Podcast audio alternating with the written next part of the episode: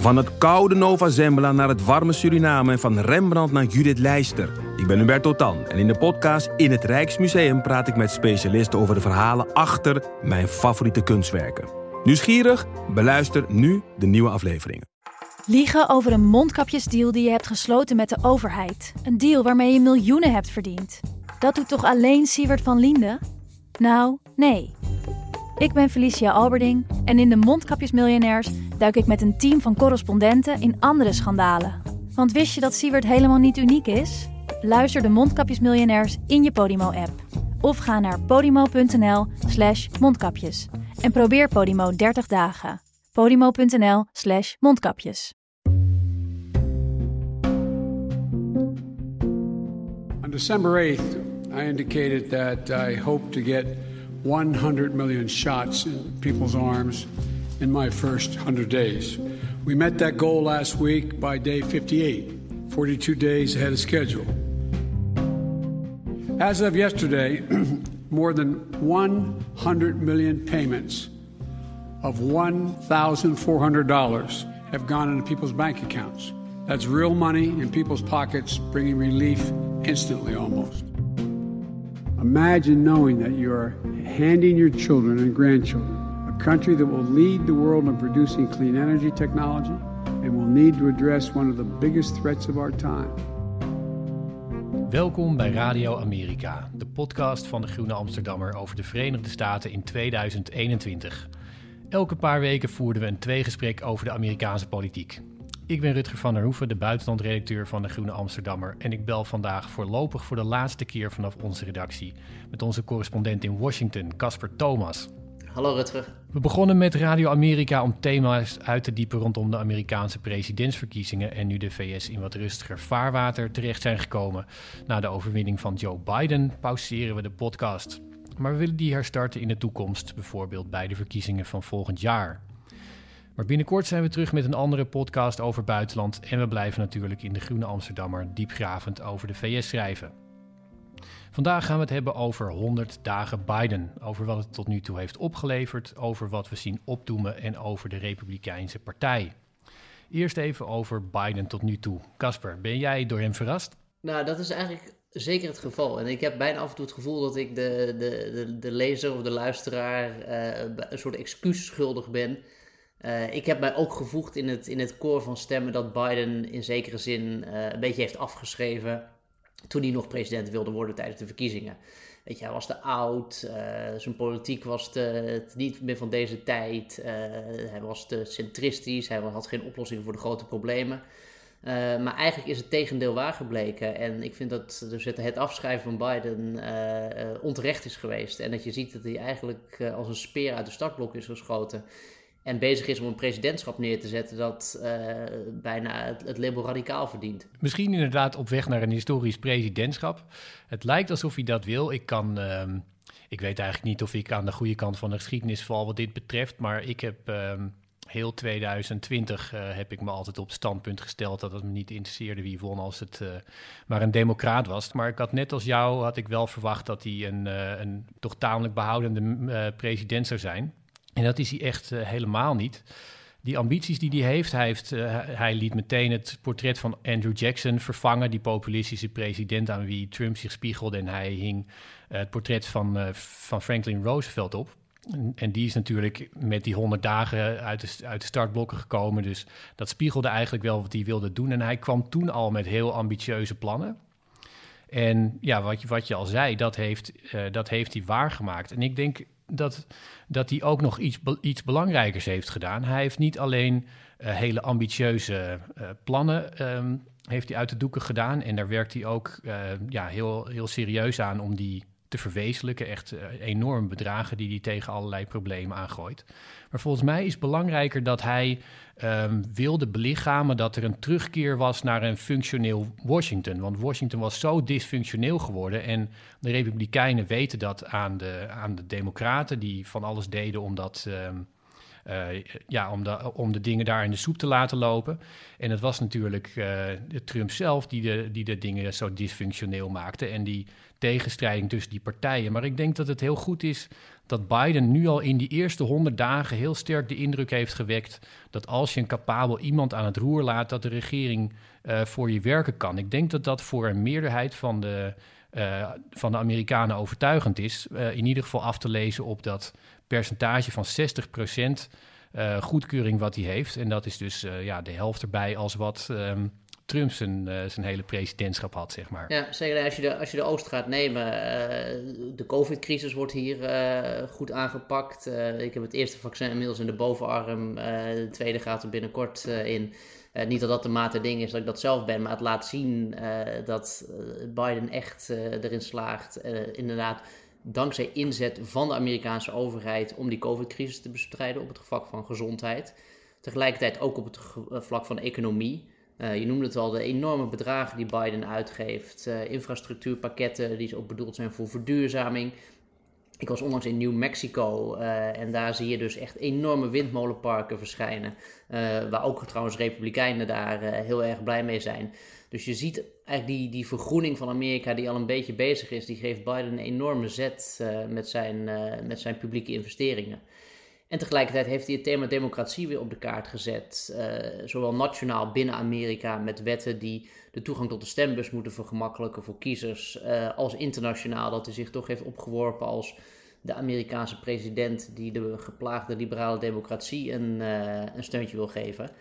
En dat alles gaat gepaard, en dat is eigenlijk ook iets heel belangrijks, met een gewoon ja, natuurlijk echt een andere stijl dan, dan Trump had. Ik uh, er is al een eerste dunne biografie over Biden als president verschenen, zou je kunnen zeggen. Geschreven door een journalist van de New Yorker, uh, Evan Osnos. En die zegt, ja, Biden is gewoon een soort president die uh, het gevoel geeft dat er iemand in het Witte Huis zit die luistert naar de mensen. en dat het eigenlijk niet zo heel veel uitmaakt wat hun politieke kleur is. Maar hij, zit er eigenlijk, hij, hij weet goed het gevoel te geven dat hij er voor iedereen zit. En dat, je noemde net al die populariteitscijfers, dat, dat reflecteert dat toch wel een beetje inderdaad. Het is natuurlijk wel bizar om in, de, in herinnering te roepen dat dat, uh, hoe dat contrast is met Obama. Want Obama kwam, uh, die kwam het presidentschap in in 2012 als een, uh, als een man die, die uitdroeg, die uitstraalde dat hij de Verenigde Staten enorm zou gaan veranderen. Een enorme transformerende president. En hij gebruikte dat imago heel goed om uh, enthousiasme los te maken en om, om kiezers te, naar, de, naar de stembus te krijgen. Heel veel vrijwilligers de straat op. Maar vervolgens uh, had hij een vrij gematigd uh, en je zou kunnen zeggen politiek centraal beleid. En daarvan kun je zeggen, nou als je kijkt naar de resultaten, dan was hij een succesvolle president. Hij heeft dat ook zelf in zijn eigen biografie laatst opgeschreven. Maar ook um, een van de, een van de uh, verhalen die, of een van de conclusies die Biden en, uh, en Obama zelf achteraf ook getrokken hebben, is dat hij te veel heeft gefocust op die resultaten en te weinig op het politieke verhaal. En een van de dingen die, uh, die zeg maar een politiek verhaal zijn, is dat Obama uh, bezig was met, met repareren en met, uh, met compromissen sluiten in, met, met dingen die in andere woorden klein zijn. En, um, en Biden, die is, je zou kunnen zeggen, zijn hele leven lang een vrij centristische kan, politicus geweest, maar die heeft heel erg nu die ambitie om, om big te gaan met alles. En daarin is hij toch wel een heel erg, uh, ja, een heel erg opvallende president. Dus Obama, die was, zou je kunnen zeggen, nou ja, uh, succesvol op, op gemeten naar een, een aantal wet, wetten die hij heeft doorgevoerd. Maar hij verloor eerst het huis, toen de Senaat. Uiteindelijk ging het presidentschap naar de Republikeinen. En, en Biden die wil dus ook dat politieke verhaal heel erg centraal laten staan. Jij noemde net die biografie van Osnos. Ik vond het wel um, wel interessant dat een van de conclusies die Biden ook meegenomen lijkt te hebben, is dat hij economen niet zijn politiek wil laten bepalen. Dat is echt volgens mij een, hele belangrijk, een heel belangrijk verschil met Biden. En ik moest er, ja, moest eraan denken. Zeggen, trouwens, je, dat, dat zeg je wel, maar het zou kunnen zijn dat hij een ander soort economen de politiek laat bepalen. Dat het, dat het economen zijn die niet zeggen: uh, je probeert te bezuinigen als het crisis is en, en, en wees bang uh, dat de staatsschuld niet te veel oploopt. Dus het zijn ook Af en toe trouwens hoor je hier eens een helikopter draaien. Dat is dus uh, Marine One. Dat is, die, die vliegt de Friese president uh, Harris hier heen en weer. dat, dat het zo hard wordt gewerkt. Ja, zo hard wordt gewerkt. Nee, maar dus de, ik denk dat die economen wel degelijk het beleid, wel degelijk het beleid bepalen, maar dat het, dat het, een, dat het andere economische doctrines zijn die, die gelden. Ja, nou ja, er is toch wel een grote, een grote um, mate van, van consensus onder economen die hoog komen in de, in de politieke bureaucratie. Ja, dat zijn niet allemaal één laken een pak. Maar als je, als je kijkt naar de afgelopen halve eeuw, dan zijn het niet allemaal Chicago-school-economen, maar wel economen die allemaal zeggen dat dat beleid wordt begrensd door wat, door wat de politiek, door wat het geld aangeeft. En ik, um, ik was aan het lezen op, de, op Foreign Policy uh, over hun blog over de beste boeken van 2020. En um, ik viel daar, ik, ik kwam uh, een boek tegen dat heette The Economist's Hour, False Profits, Free Markets and the Fracture of Society uit 2019. Dat had Foreign Policy vorig jaar als een van de, van de beste boeken um, bestempeld. En dat was een, uh, een boek over het feit dat economen sinds de jaren 70 een hele vaste greep hebben gekregen op beleid. En dan maakt het niet eens uit wat voor soort economen, maar mensen met een economisch diploma op zak. Um, en in feite uh, beschreef die, uh, de, schrijver Benjamin Appelbaum, die beschrijft dat politici eigenlijk de politiek hadden overgedaan aan economen en de marges laten uh, bepalen. En het is wel grappig dat dat toen vorig jaar als zo'n ja, belangrijk boek werd beschreven. Ik dacht zelf van, nou ja, weet je wel, dat, ja, er is zo vaak kritiek op economen en dan dat, dat gaat weer weg. Maar, maar Biden die lijkt echt dat, dat te incorporeren in zijn... Um, eh, in zijn beleid dat hij zich niet laat beperken door een soort bestedingsruimte of een ruimte die door economen wordt aangegeven. Dat gevoel heb ik tenminste. Nee, dat, dat klopt. Dat ben ik wel met je eens. Het is eigenlijk de, de, de, de, politiek die. De, de, de politiek gaat op de economie vooruit uh, wat dat betreft uh, onder Biden. En, en daarmee hervormt Biden dus ook de economie. Ik vind een van de interessantste dingen dat hij dus laat zien. Je noemde het in het begin al even. Uh, hij laat zien dat de overheid daadwerkelijk iets kan betekenen in het leven van mensen en, en het verschil kan maken. Um, en goed, en het, het zijn ook voor het grootste deel zijn nog veel plannen. Uh, we moeten de effecten er nog van, van zien. Bedoel, dit zijn een beetje natuurlijk de, de, de, de vrolijke beginweken. Uh, en, en misschien komt er nog een hoop, hobbels op de weg. Maar die, die gedachtenverandering, die paradigmawisseling, die heeft Biden in ieder geval al wel tot stand gebracht. Ja, als we, naar die, uh, als, als we dat zeg maar als bruggetje ge, gebruiken naar de toekomst. Je noemde het al, um, er zijn, we zitten eigenlijk nog in een soort witte broodsweken. Die eerste 100 dagen, dat zijn 14 weken. Um, en het gaat Biden voor de wind. Je zou kunnen zeggen dat hij een droomstart heeft gemaakt. Maar op een bepaalde manier is het ook nog uh, ja, die soort wittebroods-periode. Uh, um, hij heeft nog geen groot politiek gevecht gehad. En je, die gaat hij natuurlijk nog, nog krijgen. Er zijn er een paar die, uh, die, er liggen. Je, je hint er daar al op. Een ervan is dat hij zich, uh, zich nu al afvraagt of hij Um, of hij wel wetgeving langs het Hoge Rechtshof kan krijgen in zijn huidige samenstelling. Veel mensen aan de linkerkant van de Democratische Partij willen dat hij het Hoge Rechtshof gaat uit, uitbreiden met meer rechters, omdat het nu sterk in het, um, uh, de balans doorslaat naar conservatieve rechters. Nou, dat wordt een enorm politiek gevecht. Hetzelfde geldt voor uh, een, een, een, regel in de senaatstemming die bepaalt dat je, uh, dat je een, een 60-40 uh, meerderheid nodig hebt in plaats van uh, eh, 50 of 51 tegen 49. Dat wil hij misschien veranderen. Uh, kieswetten noemde jij al, dat um, als hij aan de, kies, de kieswetten naar de federale overheid gaat, gaat halen, van de staten af. Daar hadden we het in de vorige podcast over. Dat wordt een enorm gevecht. Racisme, hè, van vandaag terwijl we dit opnemen, is de jury bijeen om een... Um, uh, een uh, oordeel te vellen over de politieman die, uh, die George Floyd doodde. Dus dat zijn, dat zijn echt hele grote politieke gevechten waar die nog niet aan begonnen is. En ja, als we spreken over het succes van, van president Biden, dan zal die zich toch ook in die gevechten moeten gaan bewijzen. De Republikeinen hebben hun tactiek al laten zien in Washington en die samen te vatten met de woorden volledige obstructie. Uh, de paar wetsvoorstellen die Biden tot nu toe heeft ingediend, als het uh, de, de budgetten die hij wilde vrijmaken voor COVID-bestrijding, uh, voor infrastructuur, daar heeft hij geen één republikein in meegekregen. Dus er wordt eigenlijk niet eens overwogen om, om steun aan Biden te verlenen. en dat is, dat is natuurlijk een soort voorproefje. Het doet ook wel een, weer een beetje aan de Obama-jaren denken waarin de Republikeinse Partij ook gewoon dwarslag en echt als tactiek had: we gunnen Obama niets, want deze president mag geen successen gegund worden. Um, en dat, uh, weet je, daarmee zie je dat die, die, het, presidentschap natuurlijk best wel snel uh, ja, een beetje bekneld kan raken. Uh, op het moment dat je het alleen maar van je eigen partij moet hebben. Ik las er vandaag een stuk over van Ezra Klein van de New York Times. Wat hij schrijft is, is dat hij denkt dat Joe Biden zo radicaal is omdat hij en andere democraten hebben gezien dat er op geen enkele manier samen te werken is met de Republikeinen. En uh, dat McConnell een, um, een, een, volstrekte leugenaar is, die dus, nou ja, zij, hij, hij denkt het definiërende moment is dat McConnell de benoeming tegenhield van een, een hoge rechter, Merrick Garland, die Obama wilde benoemen, omdat het zogenaamd te vroeg zou zijn voor verkiezingen. Dat was, was negen maanden ervoor. En vervolgens jaste diezelfde McConnell er in twee, twee maanden voor de verkiezingen wel de benoeming door van een um, conservatieve rechter. Dus volgens hem hebben democraten geconcludeerd dat uh, over, de, over de gang heen kijken naar de republikeinen is volstrekt nutteloos. We moeten kijken naar republikeinse kiezers en doen wat, wat bij hen uh, aanslaat. En, en volledig links laten liggen wat republikeinen in Washington doen.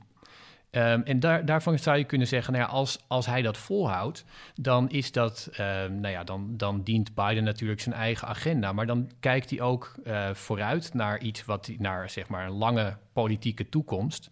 En dan denkt hij, denk, de, de, ik denk dat hij ook vooruit kijkt naar alles wat hij wil gaan bereiken. Want sommige presidenten waren vrij snel klaar. Reagan is bijvoorbeeld, mm -hmm. uh, wordt gezien als een hele transformerende president, maar die was eigenlijk ja, redelijk snel klaar met zijn belangrijkste punten en heeft daarna zich op, op buitenlandse politiek toegelegd. Maar Biden wil echt een volledige transformatie van die Amerikaanse samenleving naar groen en duurzaam. Je, je noemde dat toen net al. En daarmee wil hij echt een, een heel lang project waar, ook, waar die ook lang voor aan de macht moet zijn.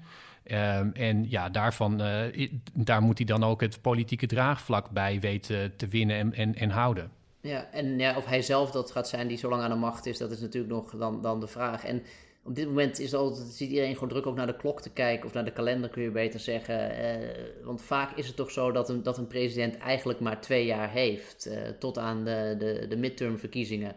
Uh, waarin de kans groot is dat je de, de, het, het congres weer kwijtraakt, je meerderheid daar. Dus het, het in stand houden van die vrij unieke meerderheid die Biden nu heeft met en het Witte Huis en de Senaat en het Huis van Afgevaardigden, geeft ze heel veel ruimte nu twee jaar, maar is dus ook uh, kans dat dat, ja, dat, dat het, het, het, tijdsvlak is dat je hebt.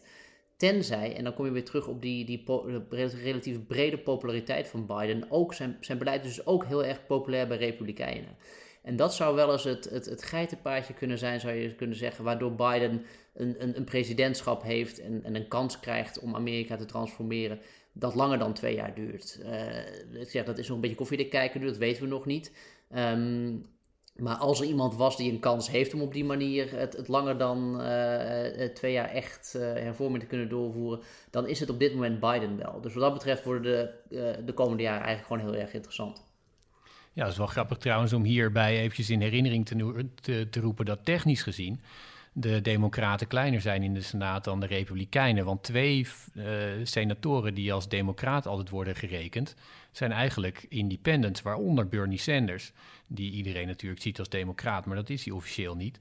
Dus um, ze, hebben er, ze hebben er 48. Dan zijn er nog twee independents die altijd met de Democraten meestemmen. Maar van die 48 zitten ook nog uh, zitten aardig uh, um, conservatieve mensen. Ik heb het al eerder verteld. Dus dat wordt. Um, het is heel precair. Je noemde het een geitenpaadje. Hij moet dus inderdaad die brug slaan naar republikeinse kiezers. Tegelijkertijd zijn eigen gematigde um, senatoren en independents niet uh, van zich afstoten en de, de linkervleugel in zijn partij um, tevreden houden. Het is echt een, uh, een enorme opgave. Ja, overigens is die linkervleugel dus best tevreden. Hè? Dat is het interessante. Bedoel, Sanders die, uh, die, die, is eigenlijk, die, is, die heeft Biden geprezen voor zijn beleid. Heeft gezegd, dit zijn de belangrijkste hervormingen sinds de jaren 60. En, dus dat, dat, op dat punt zit het wel goed, denk ik. En als we het over vleugels hebben, er is, dit, er is een, een, een verre linkervleugel in Amerika, maar er is natuurlijk ook nog een verre rechtervleugel, waar we het veel over hebben gehad en, en die misschien nu weer een beetje vergeten lijkt. Maar dat is misschien toch nog wel een thema om even aan te snijden. Ja, nou ja, als, ik, ehm, als je met verre rechtervleugel uh, bedoelt de president van de afgelopen vier jaar, ja, Trump, die, ehm, die is bezig om zijn, zijn, de partij nog steeds in zijn hand te houden. En dat aan de ene kant lijkt het logisch, als we dan over de Republikeinen gaan hebben. Het is op zich logisch, zou je kunnen zeggen, dat, dat Trump probeert greep op zijn partij te houden. Maar eigenlijk is dat helemaal niet. Want wat er normaal gebeurt na een verkiezing is dat er een soort analyse, een zelfreflectie komt in een partij wat er nou is misgegaan. En je zou dat ook verwachten bij de Republikeinen, want die hebben in de afgelopen verkiezing het presidentschap en de Senaat verloren. Dus je zou zeggen van nou, die partij die moet gewoon een enorme ja, soul searching doen, zoals het in Amerika heet. Uh, zichzelf eventjes uh, bloedeerlijk in de spiegel aankijken hoe dit in vredesnaam mogelijk is. Maar Trump zit daar, veruit de, de, de populairste republikeinse politicus. En hij zegt, ik heb helemaal niet verloren. En um, dat maakt natuurlijk elke bespiegeling onmogelijk. Want iedereen die in de Republikeinse Partij nu serieus begint te praten over uh, een, streep zetten onder het verleden en nu uh, gaan kijken wat er is misgegaan, ja, die haalt al meteen de woede uh, op de hals van de machtigste man in die partij. En maakt dus ook onmogelijk dat, dat de Republikeinen zich gaan heroriënteren. En, en, jij hebt wel eens gezegd in een eerdere podcast dat um, die Republikeinse partij op dit moment gewoon probeert tent groot te houden. Nou ja, dat, dat is natuurlijk iets wat je, wat je vlak na de verkiezingen uh, wat, wat goed is. Hè? Dat, dat niet iedereen meteen vechtend over, over straat rolt. Maar die, ja, die reflectie moet wel komen en die, die komt maar niet.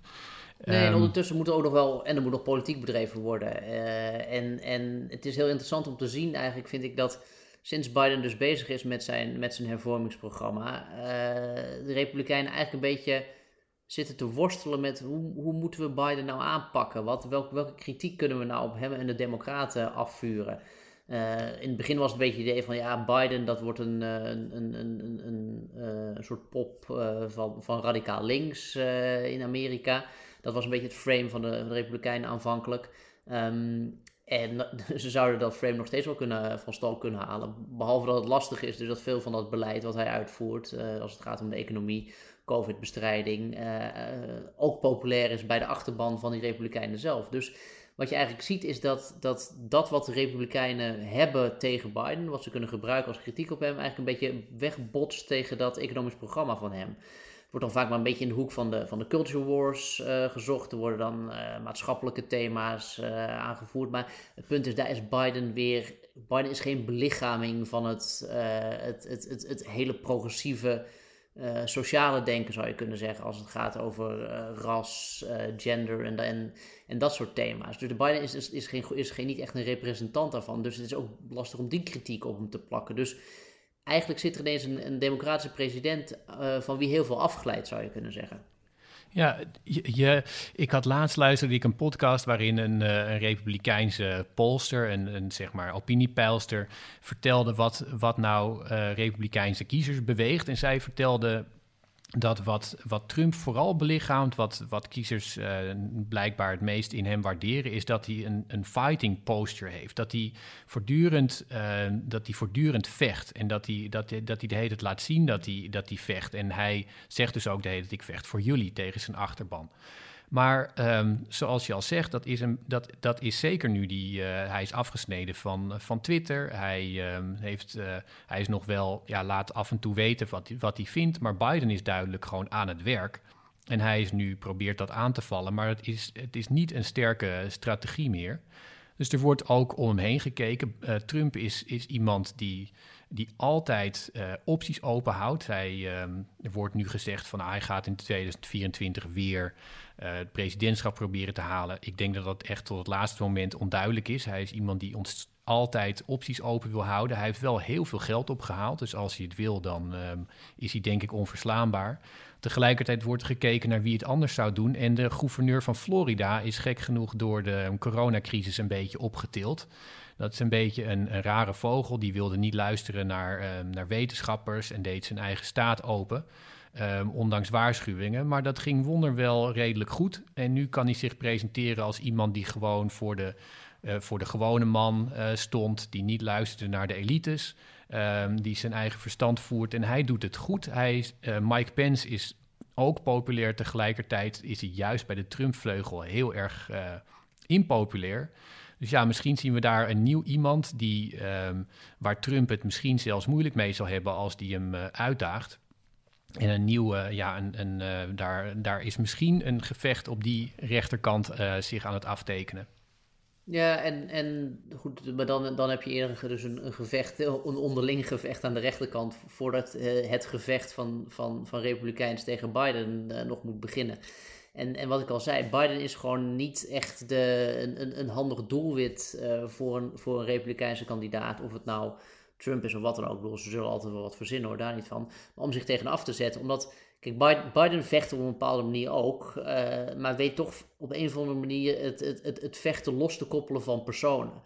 Uh, weet je, Trump's stijl was heel erg op de man spelen. Uh, mensen beschimpen, mensen aanwijzen, zeggen dat. En dus het is een heel erg, heel erg persoonlijk spelletje. En Biden heeft, dat moet, je maar eens op letten. Biden noemt eigenlijk nooit uh, mensen bij, bij, bij hun naam. Om te, als hij ergens kritiek op heeft, om te zeggen: jij doet iets fout of dat is verkeerd. Of zij zitten ons achterna.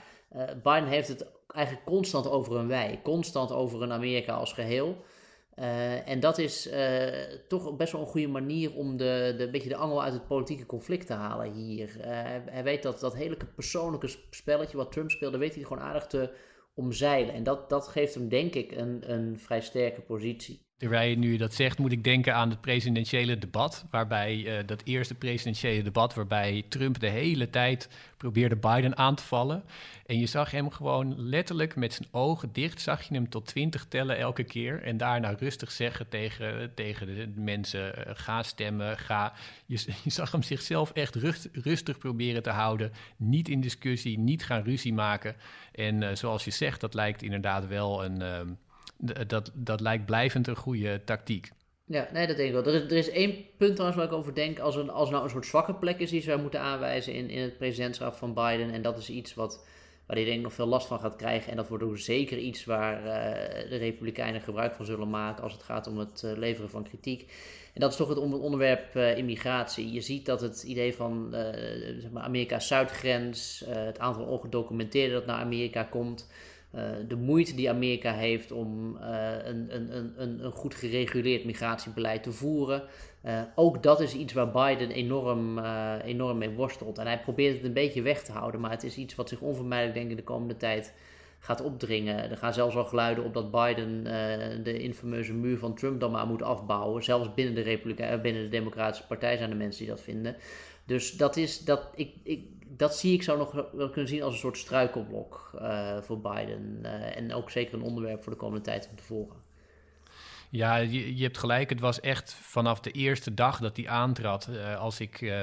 Jij, jij kan dat beter zien. jij, jij hebt netten allemaal op je tv. Maar ik, ik zag in ieder geval wat ik zag op, op Fox News. Was echt vanaf dag één werd er gesproken van de immigration crisis. Die was kennelijk meteen ontstaan toen, toen Trump zijn hielen lichtte. En ehm, en Biden in het Witte Huis kwam. Maar die wordt elke dag uh, crisis genoemd. En als, ja, als, als een, uh, toch een aanzienlijk deel van je electoraat dat de hele tijd hoort, dan wordt het natuurlijk van, vanzelf waar. De, nummers, de, de cijfers die, die zeggen ook dat het daar inderdaad weer flink, flink meer immigratie is.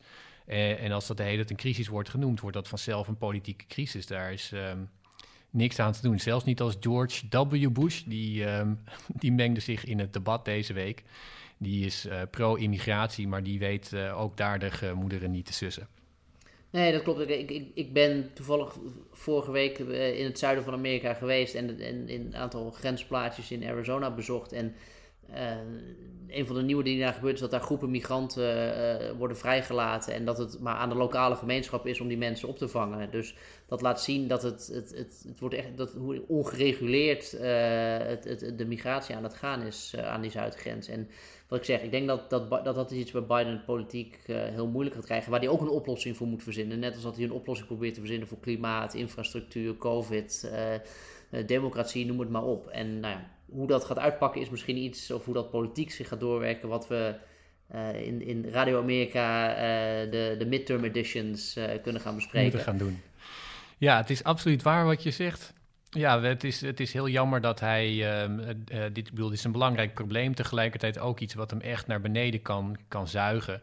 Hij heeft heel veel dingen die hij wil doen, zoals uh, het klimaat is gewoon echt nu. Dat, dat moet nu gebeuren. Hij wil, zoals hij dat noemt, een wereldwijde oorlog voor vrijheid gaan. Ehm, in, internationaal gaan, gaan voeren. Dus allemaal dingen die, ehm, ja, die op zijn agenda staan, maar die misschien. misschien verzandt hij in iets anders. Wij gaan wij gaan het volgen en hopelijk zijn we inderdaad daar uh, met de volgende Radio Amerika in de toekomst mee terug, Casper. Zeker, ik kijk er naar uit. Even pauze nu en uh, ik vond het erg leuk om te doen. Luisteraars ook bedankt natuurlijk en uh, we spreken elkaar gauw weer. Ja, tot snel. U luisterde naar Radio Amerika, een podcast van de Groene Amsterdammer. In deze aflevering spraken we onder meer over de boeken Joe Biden, American Dreamer van Evan Osnos uit 2020 en The Economist's Hour, False Profits, Free Markets and the Fracture of Society van Benjamin Appelbaum uit 2019. U hoorde Rutger van der Hoeven en Casper Thomas. De intro-tune is van Blue Dot Sessions en de podcast werd gemaakt door Bert Terhoeven. Als u deze aflevering interessant of goed vond, dan kunt u ook de vorige afleveringen terugluisteren. Die staan allemaal nog online. Later in de week is de reguliere podcast van de Groene Amsterdammer er weer. Dit is voorlopig de laatste aflevering van Radio Amerika en zoals Casper al zei, heel veel dank voor het luisteren. En niet getreurd, binnenkort komen we terug met een nieuwe podcast over buitenland. Wilt u meer van ons lezen of abonnee worden van de Groene Amsterdammer? Ga dan naar www.groene.nl.